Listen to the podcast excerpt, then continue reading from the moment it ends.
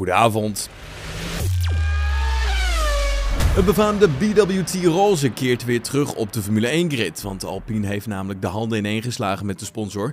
De nieuwe naam van de Alpine zal zijn BWT Alpine F1 Team.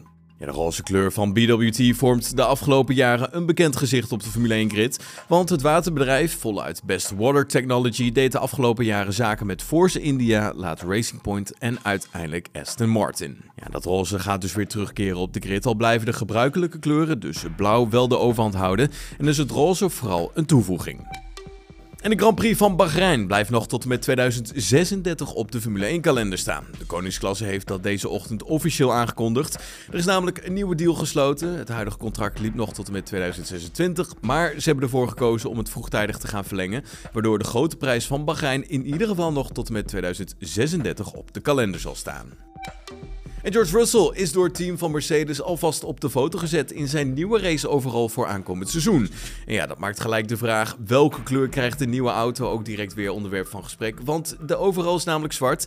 En de verwachting was juist dat deze weer deels zilver zou gaan worden. Nou, de race overal zijn dus inderdaad weer zwart. Zo blijkt dus uit de foto op social media. Dus het is nog even afwachten welke kleur de auto gaat krijgen.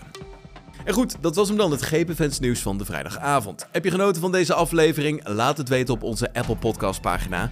Zien we je morgen weer. Tot dan. Hoi.